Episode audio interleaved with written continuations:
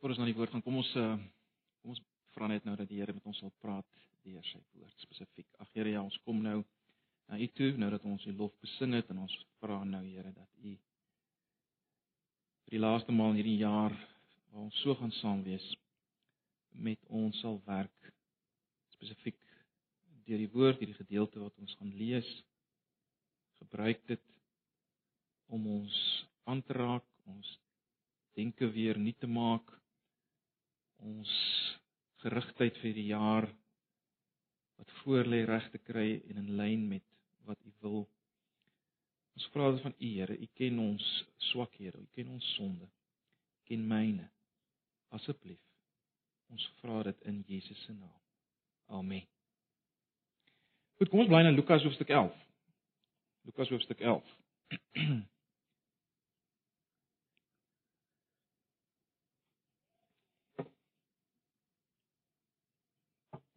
Ek lees maar die ehm die 83 vertaling.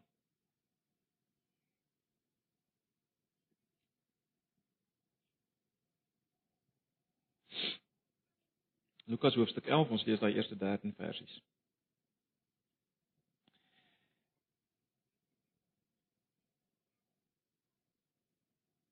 Jesus was ergens op 'n plek besig om te bid. Toe hy klaar was, sê een van sy disippels vir hom: "Here, leer ons bid soos Johannes ook sy volgelinge geleer het." En hy sê vir hulle: "Wanneer julle bid, sê dan Vader, laat U naam geheilig word, laat U koninkryk kom. Gee ons elke dag ons daaglikse brood. En vergeef ons ons sondes, want ons vergewe ook elkeen wat teen ons oortree, en laat ons nie in versoeking kom nie." Verder sê hy vir hulle: "Sê nou een van julle het 'n vriend en jy gaan in die middel van die nag na hom toe en vra: "Vriend, leen my bietjie 3 brode, want 'n vriend van my wat op reis is, het by my aangekom en ek het niks om hom voor te sit nie." En die ander een antwoord van binne af: "Moet my nie lastig val nie. Die deur is al gesluit en al my kinders en ek is al in die bed. Ek kan nie opstaan om dit vir jou te gee nie." Ek sê vir julle al sou hy nie opstaan en dit vir hom gee omdat hy 'n vriend is nie, sal hy tog opstaan en hom alles gee wat hy nodig het omdat hy hom nie skaam om aan te hou vra nie. Ek sê vir julle vra en vir julle sal gegee word, soek en julle sal vind, of soek en julle sal kry, klop en vir julle sal oopgemaak word. Elkeen wat vra ontvang en elkeen wat soek kry en vir elkeen wat klop sal oopgemaak word. Is daar 'n pa onder julle wat as sy seun vir hom 'n vis vra, vir hom 'n slang sal gee in plaas van die vis? Of as hy 'n eier vra vir hom 'n skorpioen sal gee? As julle wat sleg is dan weet om vir julle kinders goeie dinge te gee, die Vader in die hemel tog of die Vader in die hemel nog baie meer. Hy sal die Heilige Gees gee vir die wat hom vra.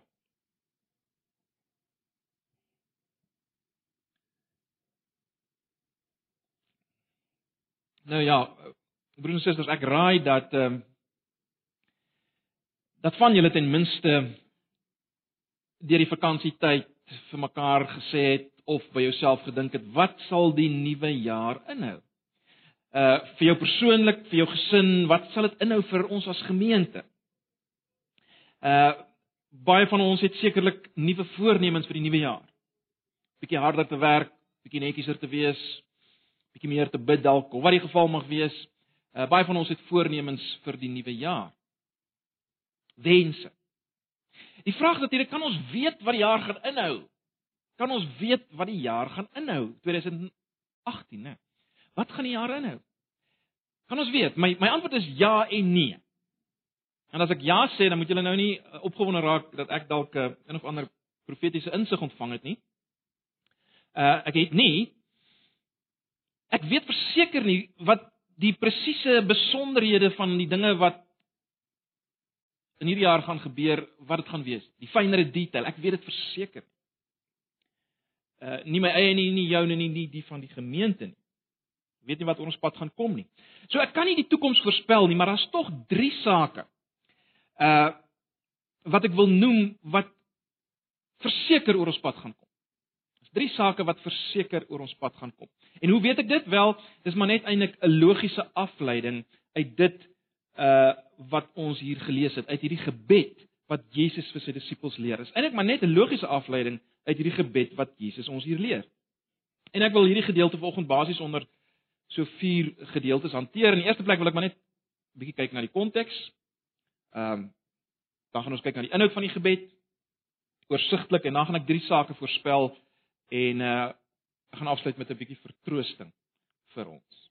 So dis dis wat ons vanoggend gaan doen uh vir hierdie laaste Sondag van 2017. Kom ons kyk net na die konteks van die Onse Vader soos hy hier voorkom. Uh dis baie belangrik. Blaai gou nou hoofstuk 9 vers 51. Blaai gou nou hoofstuk 9 vers 51.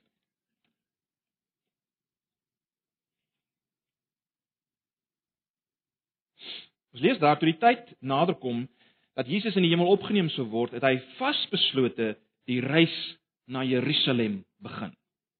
Dis baie belangrik. Jesus het vasbeslote die reis na Jerusalem begin. So Jesus is doelgerig op pad na Jerusalem en Jerusalem het een ding beteken: lyding, sterwe. Hy het gegaan na Jerusalem om te ly. So as hoofstuk 11 sê in die 83 vertaling, Jesus was eers op 'n plek of die 53 vertaling, hy was op 'n sekere plek. Uh of a certain place in NIV. Uh as die vertalings dit sê, dan beteken dit hy was op 'n sekere plek op pad na Jerusalem. Hy's nog op hierdie pad na Jerusalem waar hy gaan ly, waar hy gaan sterwe. Hy's nog op hierdie pad.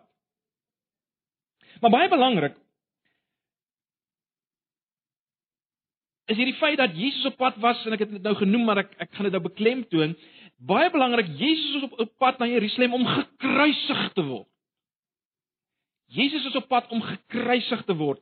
En en en dis belangrik want die disippels, moet ons onthou, het nog geleef as Jode van van van hulle tyd, het hulle geleef met die verwagting dat daar 'n uh, skielike koninkryk gaan aanbreek vir die Jode waarin die heidene veroordeel gaan word, vernietig gaan word en hulle gaan 'n nuwe posisie kry as die heersers van die wêreld en natuurlik hulle as die disippels as Jesus dan nou die Messias sou wees, wel gaan hulle 'n baie spesiale plek inneem. So dis die die raamwerk waarmee hulle geleef het. Mens kan amper sê hulle het geleef binne die raamwerk van 'n triomfsituasie. Ek meen dinge gaan net goed gaan met hulle. Al die struikelblokke gaan uit die weg geruim word. Die die heidene wat hulle so pla, gaan uit die weg geruim word en hulle gaan 'n wonderlike situasie ingaan van oorwinning en triomf. Dis die dis die raamwerk waarmee die disippels geleef het. Ons weet Johannes die Doper het waarskynlik dieselfde raamwerk gehad. Uh julle sal onthou dat hy op 'n stadium uh amper in in wanhoop van sy disippels na Jesus gestuur het en gesê het: "Is u die een wat sou kom of moet ons 'n ander een verwag?" Ek ek meen want dit lyk nie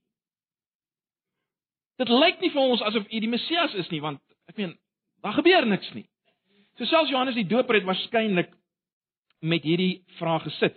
Uh Jesus het ook nie lekker ingepas by sy idee van wat uh die Messias moes wees en moes bring nie, hierdie triomf situasie. So dit is belangrik om net hierdie agtergrond te verstaan. So dis hierdie disippels wat nou kom met 'n versoek nadat hulle Jesus sien bid het.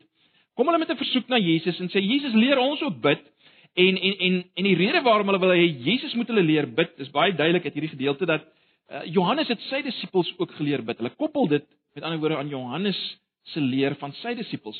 Nou wat Johannes presies vir sy disippels geleer bid het, weet ons nie, maar ons kan aflei dat ehm uh, dit waarskynlik uh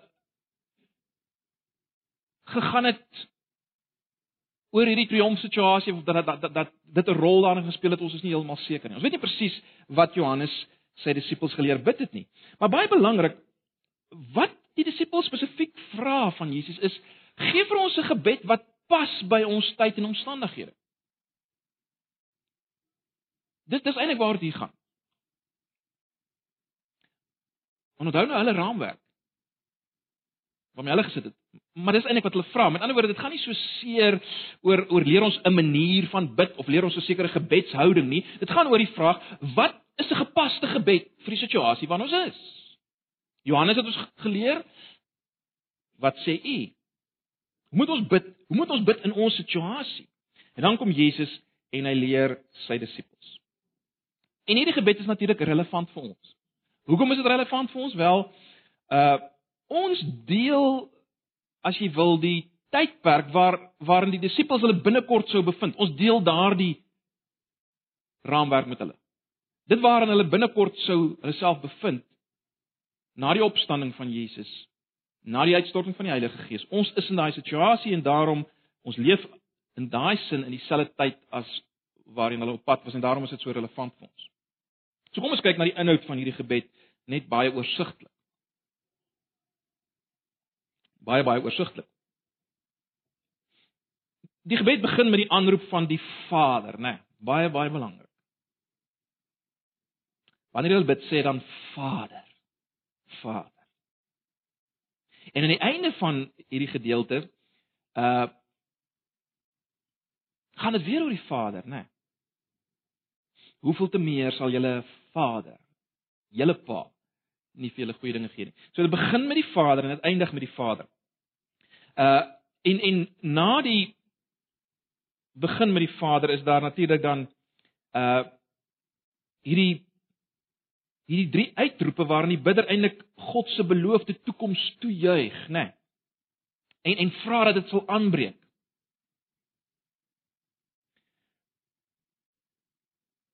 Laat u naam geheilig word, laat u koninkryk kom, laat u wil geskied. Dis die dis die eh, ek sal sien in die in die, in die 83 vertaling sit bietjie anders, maar dit dit is dis dis dis wat ons kry in die in die in die oorspronklike teks is hierdie drie uitroepe, né? Nee, laat die koninkryk kom, laat u naam geheilig word, laat u wil geskied. Dis wat hulle moes bid, baie belangrik, as Jesus sou wegwees. So met met met En dit wat Jesus hier sê, trek hy alreeds ook weer 'n streep deur hulle verwagting. Hulle het nie verwagting verwag Jesus gaan weggaan nie, né? Nee. Maar dis wat hulle moet bid baie duidelik as Jesus weg is. En hulle het dit nie nou begryp nie, hulle sou binnekort dit begryp. Maar goed. Dis die begin van die gebed en dan is daar drie versoeke. En al drie hierdie versoeke het betrekking op mense of bidders wat reeds deel in God se ryk en wat op pad is na die finale gestalte van hierdie ryk van God of hierdie heerskappy wat miskien 'n beter vertaling is van God se ryk. Baie belangrik, dit gaan nie oor twee losstaande sake nie. Dit moet ons raak sien.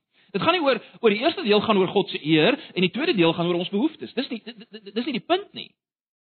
Hierdie twee is absoluut verweef met mekaar. Dis juis mense wat op weg is na die finale gestalte van God se koninkryk waar sy naam verheerlik sal word en sy wil sal geskied. Dis juis daardie mense wat versorging nodig het, fisiese versorging. Dis jy's daardie mense wat vergifnis nodig het. Dis jy's daardie mense wat beskerming nodig het teen die bose. So hierdie twee goed is aan mekaar geweef, né? Nee, dis nie ons moet dit nie as twee los eenhede hanteer. Hy gaan oor eer van God, naai ons behoeftes. Die twee moet saamgesien word. Dis hierdie ouens wat hiervoor bid wat dit gaan nodig het. Baie belangrik. Met ander woorde, dit gaan nie hier oor behoeftes en versoeking vir mense in die algemeen nie. Gaan nie oor behoeftes en versoeke van mense in die algemeen nie. Hierdie dinge kan net gebid word en mag net gebid word as ek dit so kan stel. Dit kan net gebid word en mag net gebid word deur mense wat 'n ywer het vir die koninkryk. Mense wat wil hê dat God se koninkryk moet kom, met ander woorde sy naam verheerlik moet word en sy wil sal geskied. Mense wat op pad is na die finale gestalte daarvan. So so baie belangrik, hierdie versoeke is hoegenaamd nie versoeke wat in diens mag staan van ons eie selfsugtige behoeftes en ideale nie.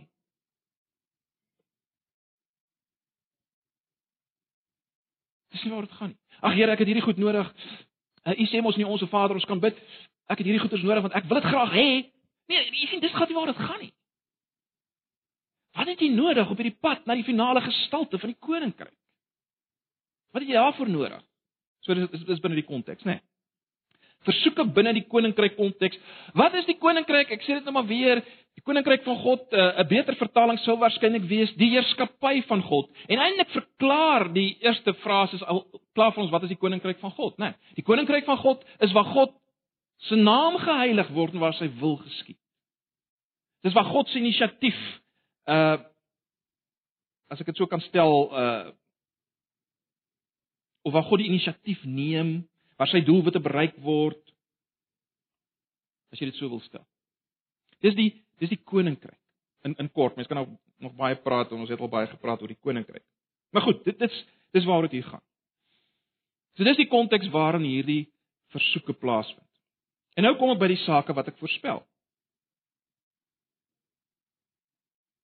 Jy sien want dit is uit hierdie drie versoeke dat ons kan aflei dat daar verseker drie dinge oor ons pad gaan kom.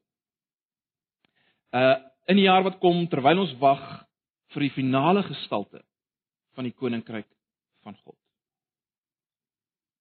As drie tipe situasies waarmee ons gekonfronteer gaan word as individue en as gemeente gaan ons daarmee gekonfronteer word. Verseker.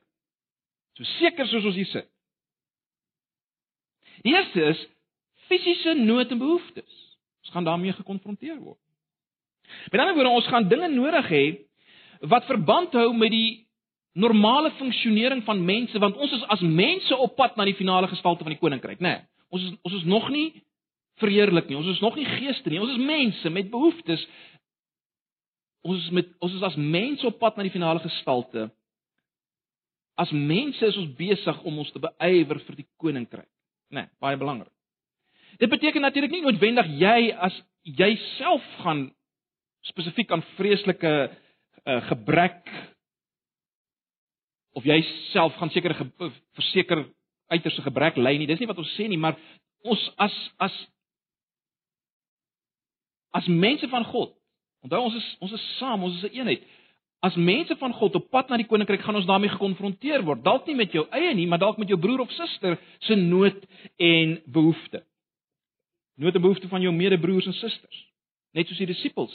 Uh, uh hulle was 'n een eenheid, né? Nee, ons is ons weet nou al. Ons is die ons ons is die liggaam van Christus, die kerk.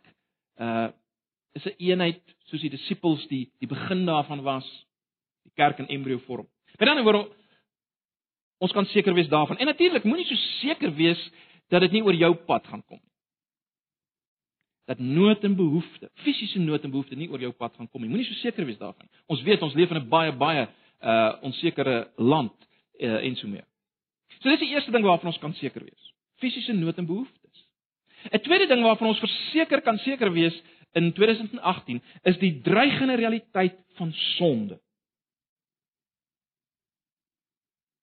Ons weet, ons het in Romeine gesien, nê, nee, dat in 'n sekere sin is ons reeds dood vir die sonde. Sonde het niks met ons te maak nie en ons niks met sonde nie. Dis die een kant. Dis die alreeds wat ons het in Jesus. Maar daar's ook 'n ander kant. Ons moet steeds sonde doodmaak. Sonde gaan ons nuwe mens aanval. Dis die realiteit van wat wag in 2018, net so seker soos dit was in 2017. Ons almal weet dit. Sonde gaan realiteit wees. 'n Dreigende realiteit. So dis die tweede ding waarvan ons kan seker wees. Die derde ding waarvan ons kan seker wees is die aanslag van die bose. Die aanslag van die bose. En en broers en susters, ek ek ek het 'n idee dat ons dikwels dit dalk te ligtelik opneem en en dalk nie genoeg rekening hou daarmee nie. Ons is gereformeerdes, ons is altyd bang vir so 'n bietjie sulke goeters. Dit klink bietjie snaaks vir ons baie keer. Maar die die bose se realiteit. Jy sien die duiwel se begeerte is dat ons ontspoor word op pad na die finale gestalte van die koninkryk. Ja, hy's 'n verslaane vyand, maar hy's 'n gevaarlike verslaane vyand. Hy's 'n vyand wat verslaan is, maar nou trek hy terug en hy saai verwoesting soos hy terugtrek, iets daarvan. Die duiwel is 'n gevaarlike vyand. Hy's hy word beskryf in Petrus as 'n brullende leeu wat wat soek om ons te verslind. Dit dit is nie ligtelik 'n brullende leeu wat soek om te verslind is nie ligtelik nie. Dis nie een waarmee ons te maak het. Ons is nie absoluut vry van die duiwel. Nee, niks. Nee, hy's 'n brullende leeu wat soek om ons te verslind. En dis die realiteit waarmee ons sit en dit word al klaar hier geïmpliseer in Jesus se gebed.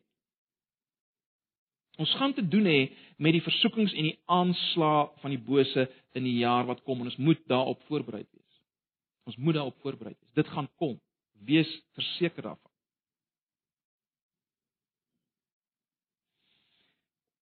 Ek sê weer die die disippels het nie hierdie situasie verwag nie. Hulle het meer 'n oorwinnende, triomfantelike situasie in gedagte gehad. Waar alles vir die wind gaan en alles maar net vir hulle in plek sal wees. Jesus kom en hy sê daar gaan fisiese behoeftes wees. Daar gaan die realiteit van sonde wees. Daar gaan die aanslag van die bose wees. Om jy waarheid te sê, uh teenoor die mens kan amper sê die triomfantelike situasie wat die disippels verwag het, skets die Here Jesus 'n situasie van hulpbehoewendheid. Hy sê julle gaan julleself bevind in 'n situasie van hulpbehoewendheid. En dis die situasie waarin ons osself bevind. Hoe sien ons hierdie hulpbehoewendheid? Wel, daaglikse brood. Sonde en versoeking. Vergewe ons. Aanvegtinge en stryd, bewaar ons van die bose. Dis 'n situasie van hulpbehoewendheid, ek het hulp nodig. So baie belangrik, dis nie 'n om dit so te stel, dis ook nie 'n 'n gemakstoel gebed as ek dit so kan stel nie. Dis 'n reisgebed vir 'n gevaarlike pad. Né? Nee. Dis dis dis die ingesteldheid wat wat ons moet hê. En dis wat wat hierdie gebed wil weergee, is 'n reisgebed vir 'n gevaarlike pad. So dis wat Jesus vir ons vanoggend wil sê. Jesus wil vir ons sê as individue, as gemeente Antipas, luister, voor julle lê 'n pad besaai met fisiese nood, beproewinge en stryd. Verseker.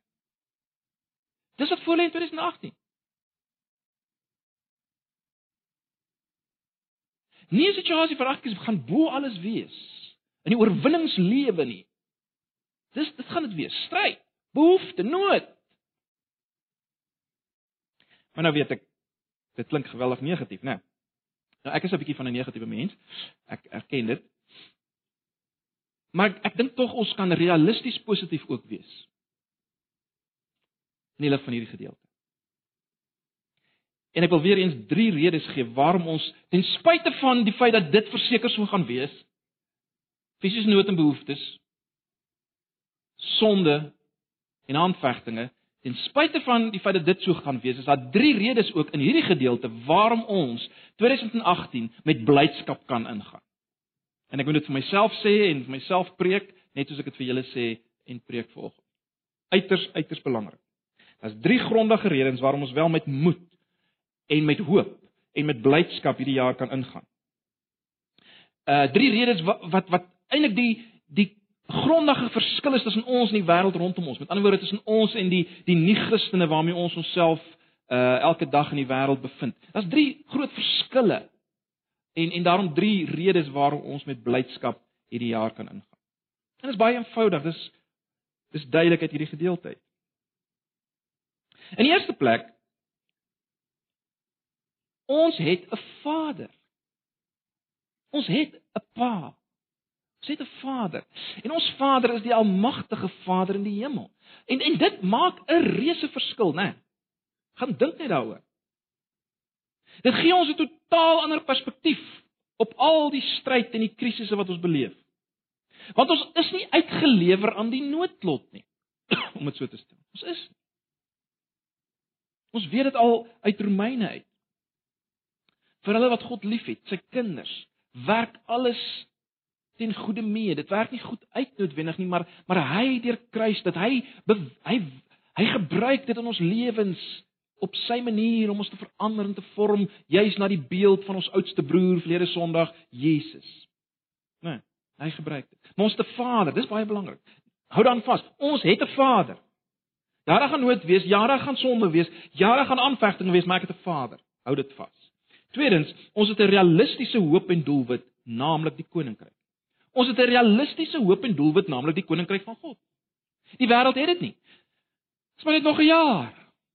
Nog 'n jaar van sinnelose rotteresies na niks. Ons het en ons moet vir onsself sê want ons vergeet dit en ek vergeet dit. Ons is op pad en ons is nog 'n jaar nader en dalk jy as individu baie naby aan die finale gestalte van die koninkryk. So dis belangrik. Die Vader se naam sal verheerlik word, sy koninkryk sal aanbreek, sy wil sal seëvier.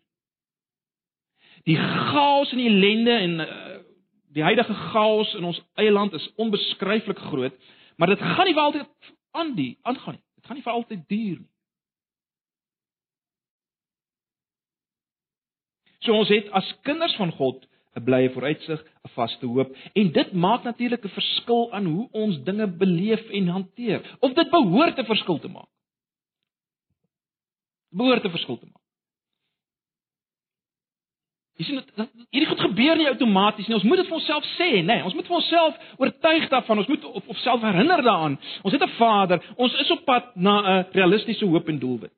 En dan intussen tyd, dis die derde ding, het ons die hulpmiddel van gebed. Dis hoe die Vader dis iets wat die Vader vir ons gee in sy voorsiening. Hy gee dit vir ons om ons te help met ons nood en behoeftes. En dit is baie duidelik dat terwyl ons op hierdie pad is, kan ons met Jesus se gesag, let wel, met Jesus se gesag en met absolute vertroue tot die Vader bid.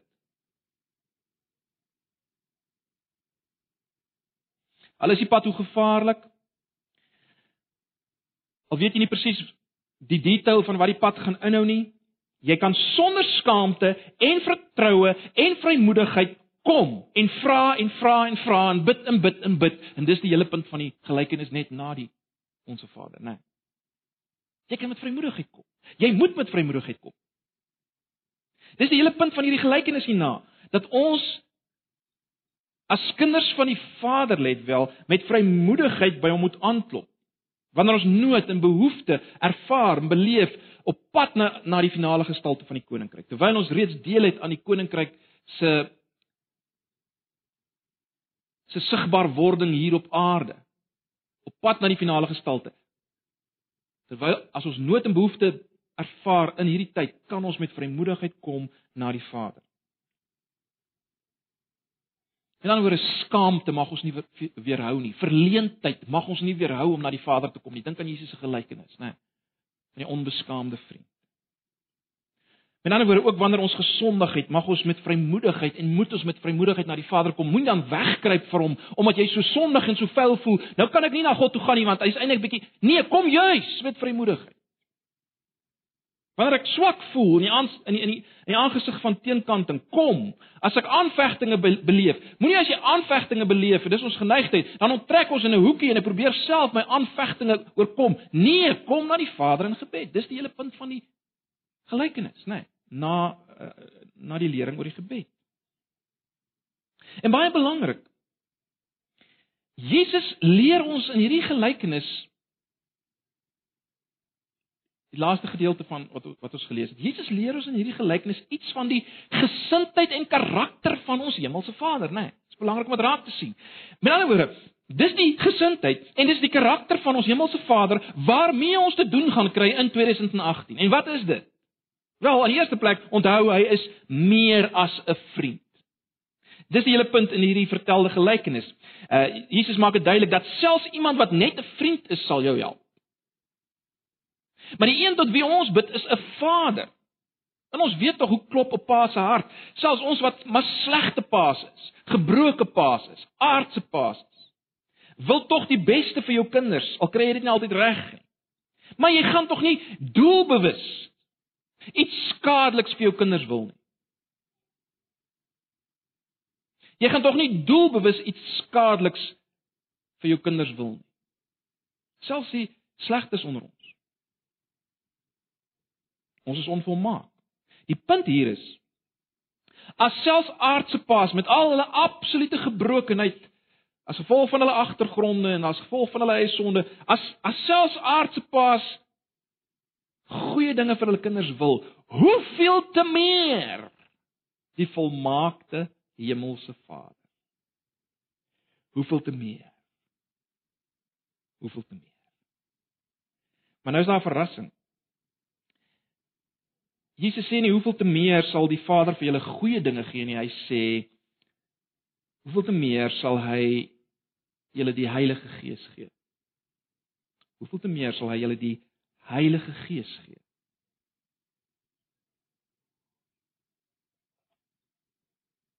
Met ander woorde, Jesus beskryf gebedsverhoring hier samevattend as die ontvangs van die Heilige Gees. Nou, hoe moet ons dit verstaan? Wel, ons moet weer eens verstaan binne konteks, né? Nee. Julle behoort nou al te weet.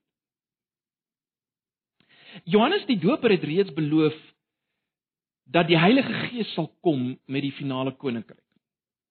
Hy het dit reeds beloof. Nou op hierdie stadium wat die disippels gebid het, het dit nog nie aangebreek nie. Die Heilige Gees was nog nie daar nie. Hy het nog nie gekom nie. In sy volheid. Dit was voor Pinkster, né? Die Heilige Gees het nog nie gekom nie.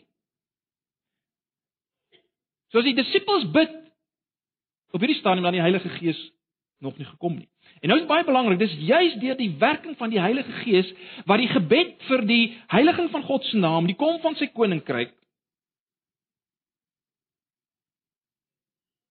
die geskied van sy wil, dis juis deur die koms van die Heilige Gees wat dit 'n werklikheid sou kon word. Dis juis deur die koms van die Heilige Gees. Dis die groot gawe van die Heilige Gees wat hierdie nuwe bedeling 'n werklikheid sou laat word. Die volheid en die heerlikheid van die nuwe bedeling. So dit was op hierdie stadium nog nie so werklikheid nie. As ons kom by die boek Handelinge, en terloops, ehm uh, ons moet onthou Handelinge is geskryf deur dieselfde Lukas wat Lukas Evangelie geskryf het. Hy gaan net aan, dis eintlik een boek uh wat bestaan uit twee afdelings, né? Nee. As Lukas kom by Handelinge, dan uh dan wys hy hoe Jesus se belofte julle sal die Heilige Gees ontvang letterlik waar geword het, né? Nee. Die beloofde bedeling van die Gees het aangebreek. Maar nou baie belangrik vir ons. Die kom van die Heilige Gees was in 'n sekere sin uniek, maar in 'n ander sin is dit 'n gebeurtenis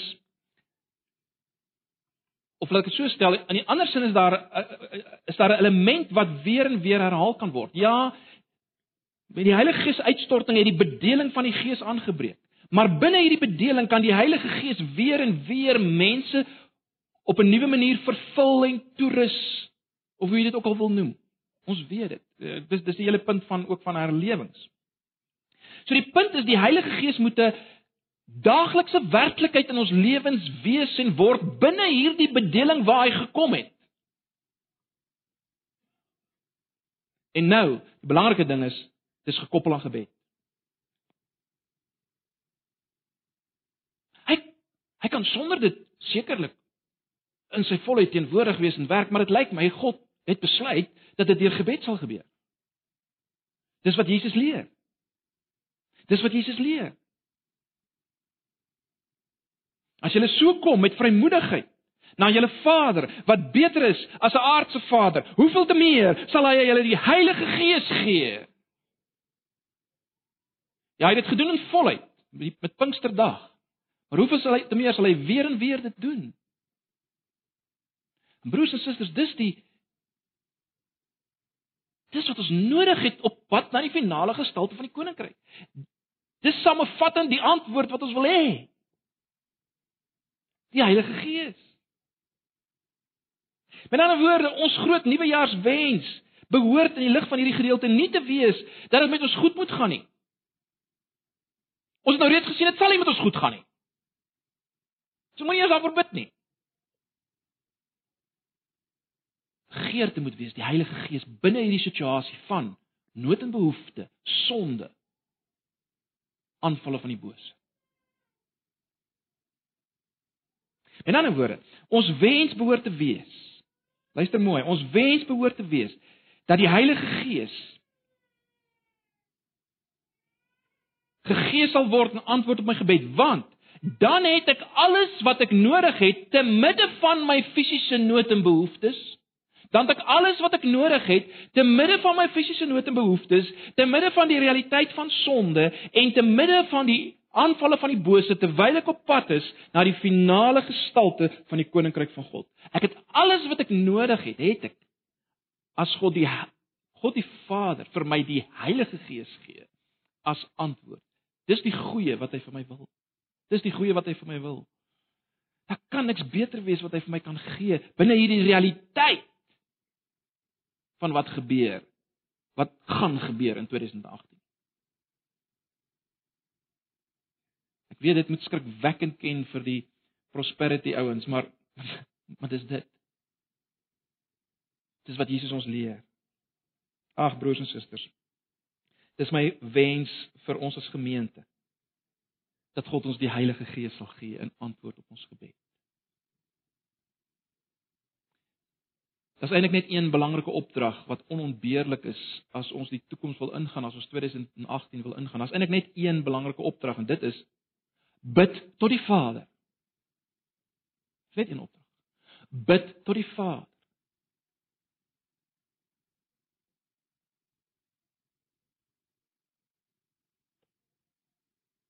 Soos met die jaar bidend begin en ons moet dit bidend klaarmaak.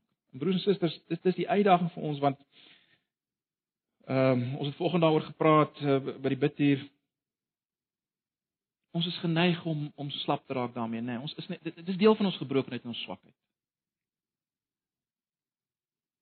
Ons begin miskien met gewellige voornemens die nuwe jaar en dan vervlou dit. Maar kom ons herinner mekaar hierdie jaar daaraan weer en weer. Kom ons herinner onsself daaraan. Bid tot die Vader. Ja, hierdie dinge gaan daar wees. Nood en behoefte, sonde, aanslag van die bose, dit gaan daar wees, maar ek kan bid tot my Vader. Ek kan bid tot my Vader. Bid tot die Vader. Die Heilige Gees is 'n realiteit. Kom ons herinner onsself daaraan. Dis my groot wens vir myself uh vir hierdie jaar, uh dis my wens vir julle. En ons kan weet dis vas en waar wat ons hier hoor is vas en waar juis omdat Jesus gekom het, omdat hy gelei het, omdat hy gesterf het en omdat hy opgestaan het. En ons kan daaraan vashou, daarom kan ons aan vashou. Kom ons sit net so en bid ons saam. Kom ek gee geleentheid miskien net eers vir elkeen van julle om stil as jy saam met iemand wil bid as jy as jy as jy uh vry om dit te doen as jy wil saam bid. Kom ons spandeer 'n paar oomblikke en ons ons kom na die Vader toe en ons bid hierdie gebed in die lig van wat ons nou gesien het. Bid ons vir 2018. Kom ons doen dit nou uh Ag Vader, baie dankie dat ons in hierdie oggend na U kan kom. En ons gebed is maar net dat U koninkryk sal kom, dat U naam verheerlik sal word, dat U wil sal geskied. En dat U ons sal gee ons daaglikse brood, ons sal voorsien in ons behoeftes vir wat ons nodig het om te leef vir en in hierdie koninkryk. Nou reeds terwyl ons op pad is na sy finale gestalte. Ons bid dat U ons sal vergewe ons sonde sal vergewe. Ons bid dat U ons sal bewaar van die aanvalle, die versoekings van die bose. Hierdie jaar wat kom op hierdie pad. Asseblief. Ag Vader, sal U nie die Gees vir ons gee